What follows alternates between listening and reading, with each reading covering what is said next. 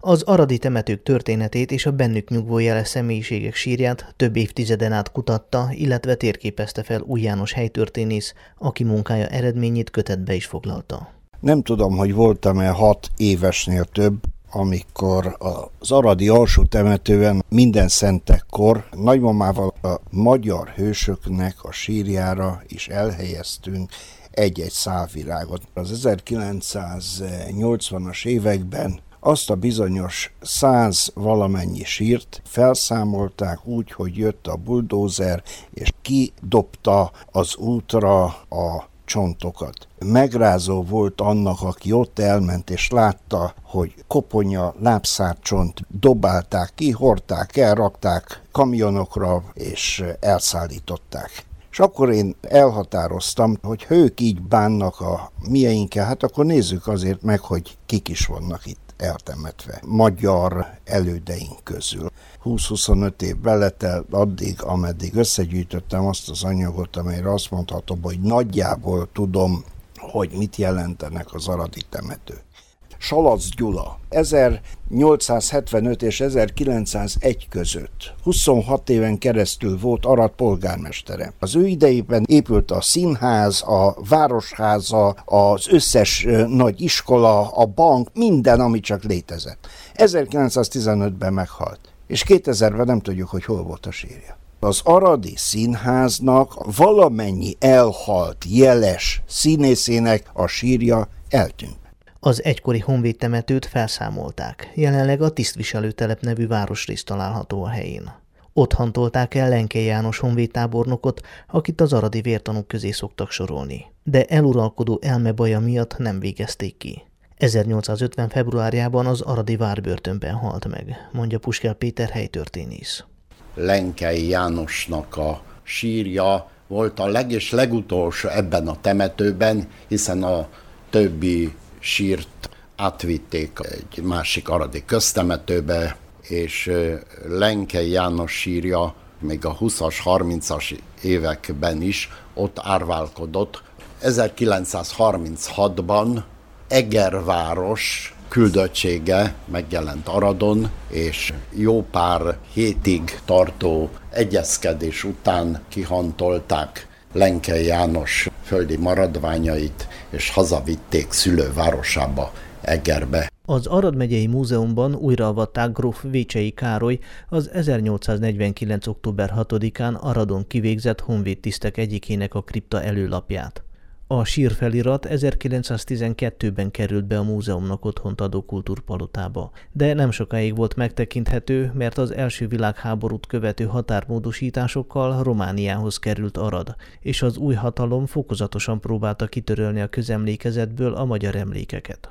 Már nem is tudják, hogy pontosan mikor, de Vécsei Károly epitáfiumát egy szekrényel takarták el, és csak évtizedek múltán, 2019 tavaszán került elő. A restaurálást követő újraavatást 2021. júniusában tartották meg. Fekete Károly az Aradi Kölcsei Egyesület alelnöke.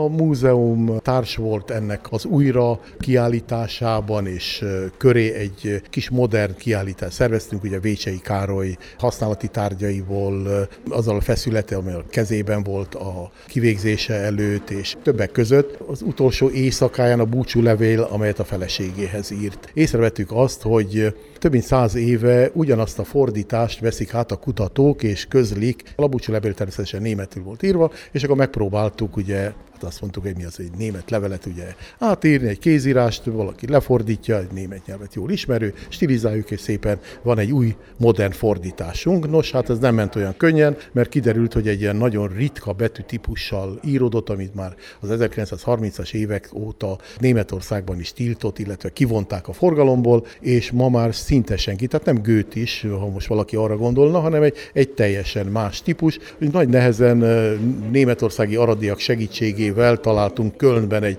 idős nénit, aki még ismerte és átírta a levelet. Természetesen, hogy nincs a levélben szenzációs változás, viszont hangsúly eltolódások igenis vannak. Vécseinek ugye megvan az a fontossága vagy jelentősége, hogy hát ő volt az, akit utolsóként végeztek ki. Tehát ilyen szempontból szerintem őt tartotta a Habsburg udvar a legveszedelmesebb szabadságharcosnak.